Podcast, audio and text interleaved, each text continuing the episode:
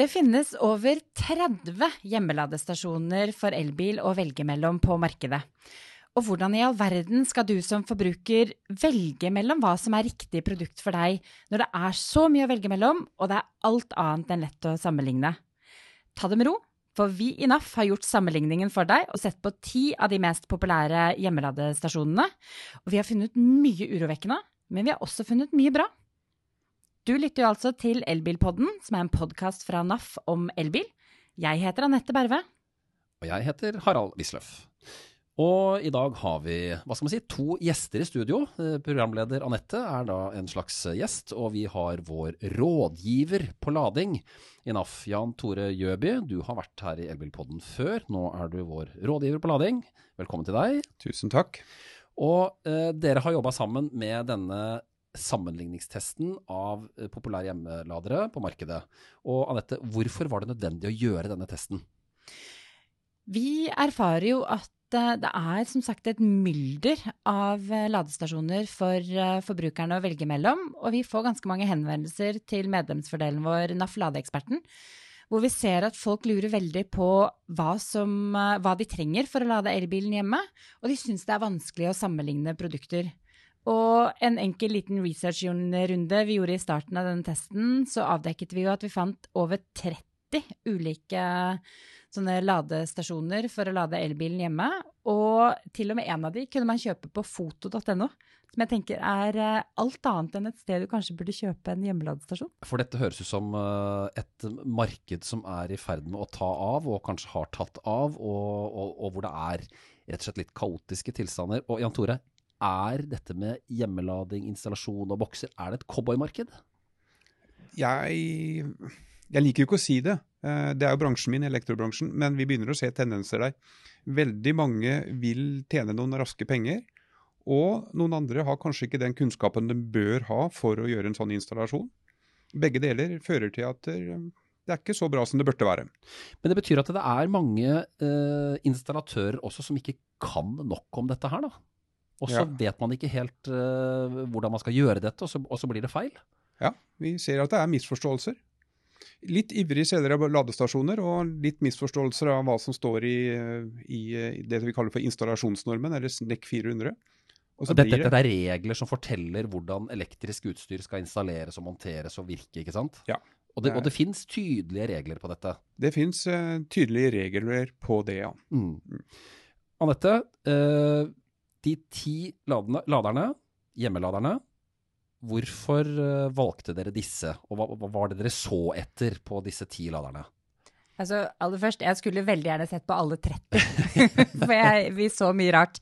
Men vi valgte da de ti stasjonene som vi anså var de mest populære. Kanskje de mest kjente merkene som hadde vært på markedet en stund. Eh, men også et utvalg som viste bredden og spennet i pris. Så vi har jo én av laderne, koster 2500 eh, kroner, er det vel. Og så er de opp mot eh, Det er vel 12, mellom 12 000 og 15 000 for den dyreste. Og, men de dekker også mye av de samme, de samme altså effektene og har mye av den samme funksjonaliteten, sånn at vi virkelig kunne sammenligne de. Og dette er jo en sammenligningstest. Eh, det er ikke en praktisk test hvor vi har montert opp eh, og koblet boksene opp mot strømnettet. Det er en ren sammenligning. For vi tenkte det var et greit sted å begynne. Se hva vi fant, og så kan vi heller bygge på denne testen videre. Og for å si det sånn, det var nok å sammenligne boksene og bare faktisk se på brukermanualen. Se på hvordan de omtaler funksjonaliteten. Um, og idet Jan Tore tok av lokket og begynte å se litt hva som gjemte seg uh, under lokket, så fant vi enda mer å pirke borti. Ja, for Jan Tore, du kan jo dette her, sånn, du er sånn ordentlig nerd på dette og kan det tekniske. Og, og i den testen så var det ikke bare å titte på hvordan boksen så ut, men du tok de fra hverandre og tittet på. Hva, hva er de store forskjellene på, på ladeboksene når du tar av lokket og ser inni? Ja, det er jo litt kan du si, hvor komplisert de er laga, og hva som finnes av eh, beskyttelse eller vern inni. Og Der kan det være stor forskjell. Og så er det jo også stor forskjell på kvaliteten. Selv om jeg har vært i bransjen i mange år, så ble jeg overraska når jeg tok av noen av lokka at dette kan jo ikke stemme. Så vi blei jo mer opptatt av å grave på er sikkerheten egentlig ivaretatt, enn at vi så på funksjonalitet, hvor lett det var å montere dem og sånn. Og, forklare, hvorfor er sikkerhet så viktig på en hjemmelader i forhold til en en lampe som du putter i veggen? Bilen, eh, Det er to ting. Bilen den har jo behov for å få mye strøm over lang tid. Det belaster mye. Og det andre er at det kan oppstå noen sånn ja, feilstrømmer, la oss kalle det litt enkelt, eh, som kan ødelegge for resten av installasjonen i huset. Og Vi må passe på at hvis en sånn feil oppstår, så må vi kutte ladinga. Altså, det kan skje et eller annet kluss med strømmen når bilen står på lading, og en god hjemmelader skal ta høyde for det og kunne eliminere det på et vis da. Ja, Og det gjør de fleste. De har funksjonen der sånn. Men når en sånn feil oppstår, og det kanskje i kombinasjon med andre feil, så må du også kunne klare å koble ut den feilen på en god måte. Og der, der fant vi mye rart. Og ikke for å lage drama, men hva er det verste som kan skje hvis det oppstår sånne feil? Det er at eh, andre jordfeil som er i installasjonen din, slutter å fungere. Sånn at du får karamell hvis du tar på vannkrana di. Og- Eh, Og det betyr at man kan ta på vannkrana inne og få en karamell fordi eh, ladeboksen er feil installert, eller er noe galt med den ute i garasjen. Mm, mm. Ah, nettopp. Men det er liksom mange ting som må gå feil. Men det er enkle tiltak å gjøre dette sikkert. Og, da, og det er krav om at det skal være sikkert, og da må vi sørge for at det er sikkert. Anette, noen hovedfunn fra eh, sammenligningstesten dere gjorde? Vi så at vi kunne kategorisere det vi fant i fire kategorier. Eh, den ene var rett og slett at eh, en av laderne vi så på, syns vi overhodet ikke burde markedsføres som en elbillader. Litt sånn eh, kanskje flåsete sagt, men det er en glorifisert eh, stikkontakt. Eh, en altfor dyr stikkontakt som er helt unødvendig. Så så vi jo at eh, det var usikkerhet om eh, DC-overvåkningen var eh, god nok i egentlig alle utenom én lader. Det kan jo Jan Tore få lov til å forklare litt etterpå hvorfor det er viktig. Så så vi jo at mer eller mindre alle boksene manglet samsvarserklæring. Og, og samsvarserklæring er et, et dokument som sier at Jan Tore, bare for å ta det. Det, det er å si, et dokument som gjør det mye lettere for elektrikeren. Når elektrikeren leser sin, sine krav, så skal, står det at den skal ha samsvar med forskjellige standarder, produktstandarder. Og det fikser eh, ladestasjonsprodusenten ved å legge samsvarserklæringa. Da bør den ligge i ladestasjonen, for da slipper elektrikerne å bruke tid på å lete etter det. Bortkasta. Ja. Penger. Og videre, Anette? Og det siste punktet, det er jo at vi, vi så at produsentene av disse boksene tolker regelverket veldig ulikt, spesielt på ett punkt. Og det er om eh, de kan tilrettelegge og tillate trefaselading på IT-nett. Eh, nå skal vi nok ned på nerdenivå for å forklare liksom hva Ja, dette forklare. betyr, og, og hvorfor dette er viktig for deg som forbruker. Men, men det viktigste liksom, med alle disse fire punktene er at dette er ikke ting som du forbru som forbruker nødvendigvis burde trenge å kunne noe om. For dette er på et nivå som egentlig er på produsentnivå og på eh, installasjonsnivå, og noe eh, elektrikerne også burde vite om. Men vi ser jo at fordi at det ikke er ivaretatt, så kan du som forbruker settes i en utrolig kinkig situasjon og ikke ha en like trygg og, og sikker eh, ladeboks eller ladealternativ hjemme som vi mener at du burde ha. Så noe av funnet deres er rett og slett at eh, produsentene har overlatt litt til forbrukeren. Og, og måtte gjøre ting riktig, da, istedenfor at dette er en problemstilling som du ikke burde tenkt på, og, og kunne vært løftet opp på et annet nivå før du kjøpte boksen. Helt riktig, og det ser vi jo litt av reaksjonene vi har fått på testen også.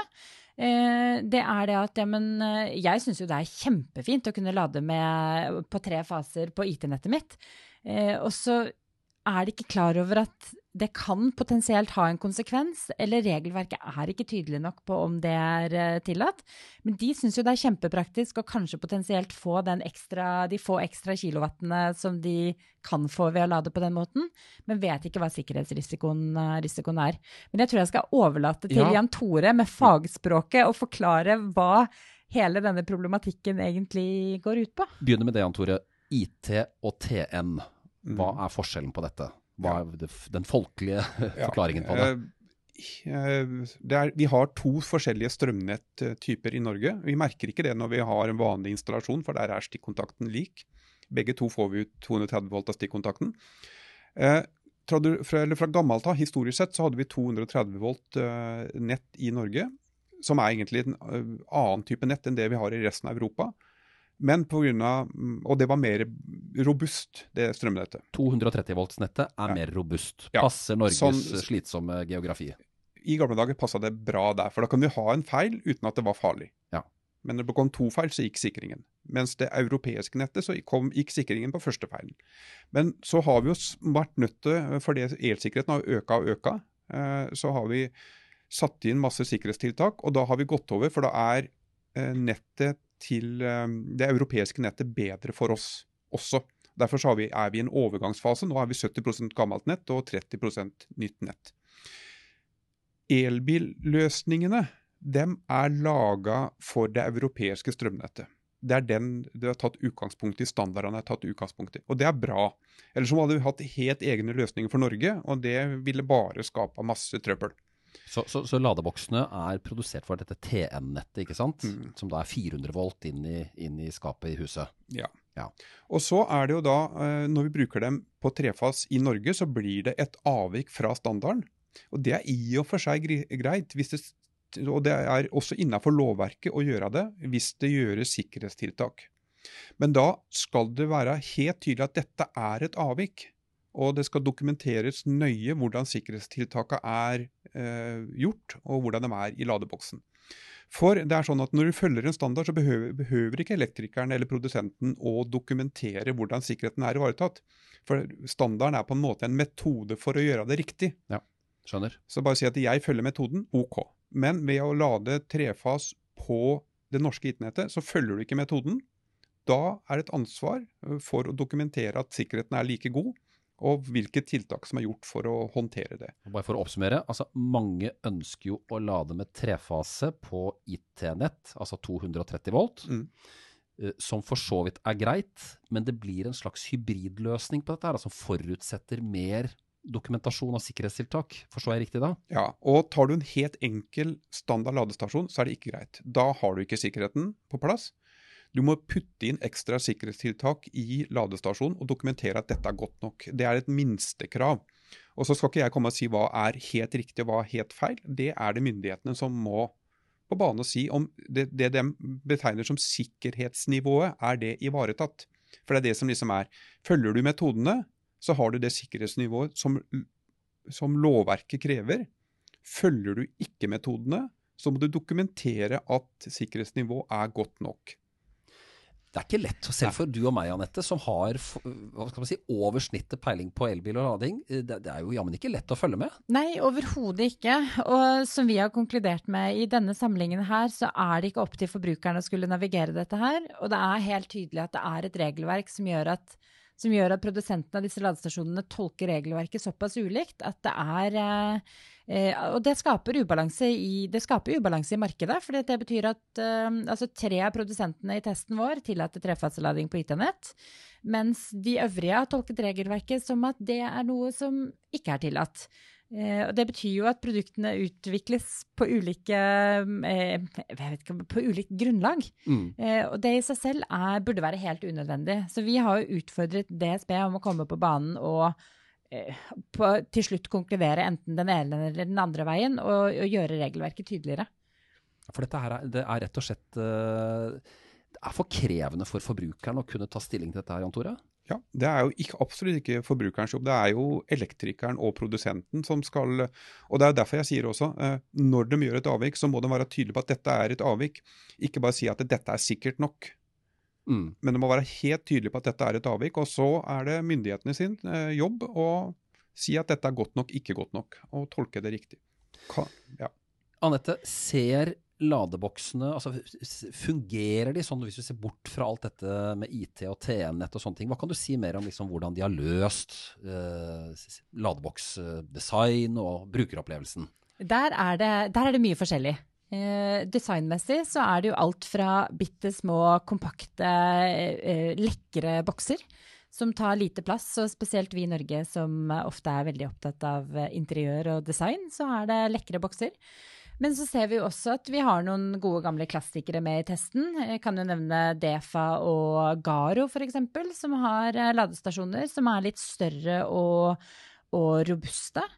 Og det er vanskelig å konkludere med at liksom den ene eller den andre retningen er, er veien å gå og, og riktig, men, men, det er helt tydelig veldig ulik tilnærming til, til, design.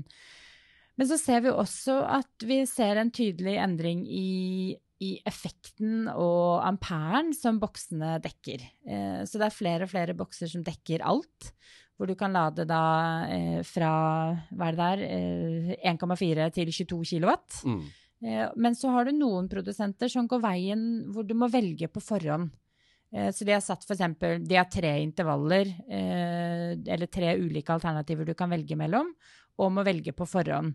Spesielt den varianten kan jo være vanskelig for forbrukerne å forholde seg til. For da må de tenke gjennom, ok, men boksen, ladestasjonen jeg velger, skal den være valgt ut fra bilen jeg kjører i dag? Eller som Jan Tores eh, klassiske råd er, at du egentlig skal velge ladestasjon ut fra hva huset ditt kan gi av strøm, eller hva huset ditt er, er tilpasset for. Blir ikke det riktig, Jan Tore? Jo, altså Ladestasjon er ikke en del av bilen, det er en del av den installasjonen i huset. Så det må tilpasses den først og fremst. Ja, For å for, forklare enkelt her. Det kommer en bestemt mengde strøm inn til en eiendom eller et hus. ikke Mm. sant? Enten det er en leilighet eller det er en, eh, eller det er et, en enebolig med garasje. Mm. Og så er det jo mye som trekker strøm i et hus. Og så er det jo det er en ladestasjon som kommer da etter at et hus er bygd, og det er kanskje et gammelt hus, så blir det jo på en måte det som er igjen av strøm som er mulig å sette av til lading, som du fortalte i sted også, er mye strøm over lang tid. Ja. Ikke sant? Så her må man gjøre en prioritering, og kanskje sette, man sette inn ekstra sikring og sånne ting. Det er mange prioriteringer å gjøre, og det er mange forskjellige metoder å løse det på også. Den, den tradisjonelle er jo rett og slett å bare se hvor mye bruker huset maks, og det som er igjen helt opp til sikringen, det er det du gir til ladestasjonen. Og Det vi egentlig ønska å sjekke på, var jo hvor smarte var ladestasjonen, eller hvilken mulighet var det for å putte inn smarthet. sånn så Ladestasjonen, når huset bruker lite, du ligger og sover, så kan bilen få masse strøm. Der er kanskje billig strøm også, så det er jo en stor fordel. Men vi brukte jo altfor mye tid på sikkerhet. Det var jo ikke det vi skulle gjøre. Så Nei, og smartness, eh, altså smartlading i boksene kommer til å være kjempeviktig for, eh, for forbrukerne fremover, nettopp fordi strømmen er dyr. Eh, Det er veldig fint å få hjelp til å regulere når du skal lade, sånn at du holder strømforbruket ditt nede og betaler mindre. Men det, det har vi ikke gått i dybden på denne gangen, for vi, vi satt fast på sikkerhetstiltakene. Og jeg må faktisk nevne at vi glemte det femte, jeg glemte det femte punktet. Og det var jo rett og slett at i to av ladestasjonene også, så fant vi jo en, eh, en funksjon som er en viktig sikkerhetsfunksjon. Og det er jo et manglet, eh, manglet låsing av ladekabel under lading. eh, som, er en viktig, som er viktig for å ivareta sikkerheten under lading. Hvorfor er det viktig å ikke bare en funksjon for at ingen stikker av med kabelen din, men også en sikkerhetsfunksjon? hvis du drar ut en ladekabel under lading, så oppstår det som heter lysbue. Eh, Gnist. Gnist. Stor gnist eller lite lyd. Ja. Og den lysbua den ødelegger eh, kontaktene inni. Og så skal det jo sies det, De to her har jo en forrigling som gjør at det, antageligvis så går det bra, for det legges ut. Men når vi gjør ting, det er samme som i bilverden, vi legger opp mange sikkerhetsbarrierer. Og det å låse fast ladekabelen under lading er en viktig sikkerhetsbarriere. Og så har du en sånn forrigling som gjør at du, hvis kabelen blir trekka ut, høyst sannsynlig så klarer vi å legge ut strømmen også. Så, men det er et sånn helt klart krav i produktstandarden. Men disse to eh, ladestasjonene, det gjelder jo da Folkeladeren og EO Mini. Begge de to ladestasjonene selges både med fastmontert kabel, type 2-kabel, og uten fastmontert kabel. Og vi tenker jo at eh, kjøp da i så fall alternativet med fastmontert kabel, for dette er ikke dette noe problem. Mm. Men det er alternativet uten fastmontert kabel som, som er problematisk. Sikkerhetsbristene dere fant, hva har dere gjort med dem? For dette er jo Én ting er å fortelle forbrukerne om det, men uh, NAF sin rolle er jo på en måte å ta det videre også. Ja, altså, det er jo, Disse sikkerhetsbristene er jo problem for medlemmene våre. Uten tvil. For det ene så er det jo altså du får en installasjon som ikke er så sikker som den skal være. Og det andre er jo at det ødelegger jo for konkurransen i markedet også. Vi vil jo ha et marked som fungerer godt. Mange tilbydere som konkurrerer på like vilkår. Da får vi de beste løsningene. Så det vi har gjort er rett og slett å skrive opp og oppsummert litt mer teknisk enn det vi har gjort på nettsidene, og sendt til DSB, eh, Direktoratet for samfunnssikkerhet og beredskap, som har ansvaret for ladestasjoner og for installasjoner. Vi sendte også sammen til det som heter Nkom, Norsk, eh, nei, nå, Nasjonal eh, kommunikasjonsmyndighet. Fordi at når en ladestasjon har en radiosender inni, f.eks. har wifi eller eh, mobilnett, så er det ikke DSB som har ansvaret for den. Da er det Nasjonal sikkerhetsråd. Det er en sånn spagat der også. Så, det er, så vi har ja, vi har kontakta myndighetene, sendt en god oppsummering, bedt om et møte, og håper vi kan få ta en god og sunn diskusjon med dem for også Og jeg tror de er, er på god vei til å begynne å jobbe med dette her. Så. Vi har jo også gått uh, ladebransjen i møte. Vi har lyst på en god dialog med dem. Så vi har jo snakket med mer eller mindre nesten alle produsentene av ladestasjoner. Uh, tatt opp med den hva som har vært våre bekymringer med, med ladestasjonen, og fått uh, mange gode svar. Og, og i, har en god dialog med dem for å sørge for at de også kan være med på å forbedre sine produkter. Spesielt mange av disse produktene lages jo faktisk i Norge. Mm. Det betyr at da er det egentlig kort vei til å gjøre de endringene vi ser at det er nødvendig. Hva er ditt forbrukertips når man da står der, og en kompis av meg fortalte her forleden at han har kjøpt seg ny eh, elbil. Aldri hatt elbil før. Eh, og da må du jo nødvendigvis følge med en eh, hjemmelader på kjøpet på et eller annet tidspunkt. Hva er ditt viktigste forbrukertips når man da skal gå løs på dette, denne problemstillingen? Og det er et vell av forskjellige ladere, og det er masse forskjellige priser, og elektrikere som har ladere, og som ikke har ladere. Hva er tipset ditt? Det enkleste tipset er faktisk start med elektrikeren din.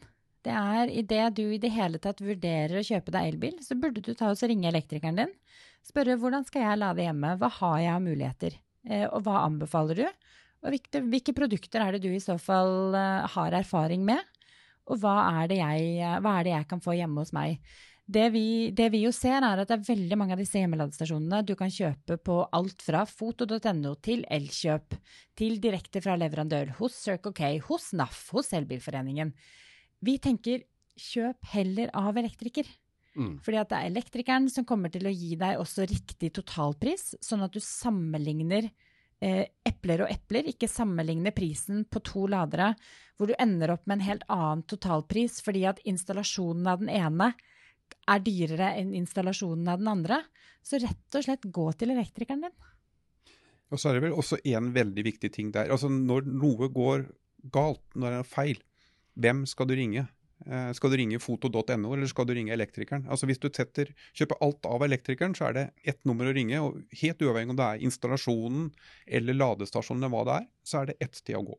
Og så er det det at en, som vi har nevnt flere ganger nå, det trekkes mye strøm over lang tid. Det betyr at dette her er en, eh, i motsetning til oppvaskmaskiner og andre installasjoner, så er dette en gjenstand som utsettes for veldig høy belastning og slitasje, ikke sant? Det, det er det. Også, vi har jo lært det at vi skal ikke kjøre oppvaskmaskin når vi sover. Vi skal ikke vaske klær når vi sover. Men vi anbefaler jo nesten å lade bilen når vi står og sover. Ja, Pga. billig strøm. Billig strøm, eh, god tilgang i boligen på strøm også. Og da er det jo altså Den forsikringa med å bruke noen tusenlapper ekstra på en skikkelig god ladeløsning, det er veldig billig forsikringspremie. Og så kom vi på de mer sånn uh, brukeropplevelsen, fordi det er dumme bokser, og så er det smarte bokser. Kort Anette, hva er forskjellen på de dumme boksene og de smarte boksene? Der tror jeg heller Jan Tore er bedre, bedre person å faktisk forklare det.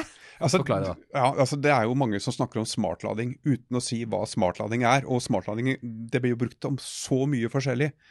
Eh, det ene er jo det vi snakka om i stad, at ladeboksen tar litt hensyn til annet forbruk. Og pøser på når det er god kapasitet i nettet, eller når f.eks. prisen er lav, ved å snakke med nettselskapet. En annen ting eh, med, med smarthet er jo å Uh, jeg tror jeg tok egentlig begge to der, med tilpasset til prisen. Er jo at, og, ja. ja. fordi eh, noen ladebokser inneholder ikke noe annet enn å formidle strøm, mm. mens andre ladebokser har en eller annen form for eh, connectivity. Sånn ja, det var akkurat der hjerneteppet datt ned. Ja. Eh, det er det at du kan ha en app, eller du kan ha noe ja. og følge med på hva er det som skjer. Du kan logge ladinga di, så du får sendt regning til arbeidsgiveren hvis du har firmabil, osv. osv. Ja, kan jeg for, snakke for min egen del, da, som har to ladere i garasjen, men de er dumme. Men jeg har en uh, strømapp som styrer styrer dette med lading og smartlading og sånne ting. Da. For det er jo en tredje variant, da. At du har styring av strøm i en app som gjelder hele huset, inklusive laderne. hvis du har. Her er det er masse å sette seg inn i. Det er utrolig mye, og det er derfor liksom jeg er tilbake til snakk med elektrikeren din. Mm. Eh, mest sannsynligvis har han hvis, hvis eh, han eller hun har erfaring med å sette opp eh, ladeløsninger, så vet de også hva som, eh, hva som, kan passe for deg, hva som gir deg det du trenger. Så tenker jeg liksom, Snakk om behovet ditt. Hvor mange elbiler er det du skal lade? Har, lade? Har du én eller to elbiler i husholdningen? Eh, hva er viktig for deg å kunne ha av eh, batteriprosent når du skal kjøre av gårde neste morgen? Har du en jobb f.eks., eller en hverdag som gjør at du må ha fullt batteri neste morgen, så er det viktig å for, formidle. Eller klarer du deg kanskje helt fint med f.eks. å lade på 7,4 kW, eh, fordi du trenger ikke å ha fullada bil hver eneste måned. Så er det greit å snakke litt om hvor langt unna er garasjen din, hvor skal ladepunktet, ladepunktet stå. Eh, ta, liksom, ha disse tankene klare når du ringer elektrikeren, så får du den ladeløsningen du trenger. Og så må vi bare si at det, er, det er jo sikkert et, en kamp om design her også. At det er den som ser veldig lekker ut, i hvert fall hvis du skal ha den på veggen ute. Mm. Men det er ikke sikkert det er den beste boksen. Så man må være litt sånn uh, litt kritisk her. Mm.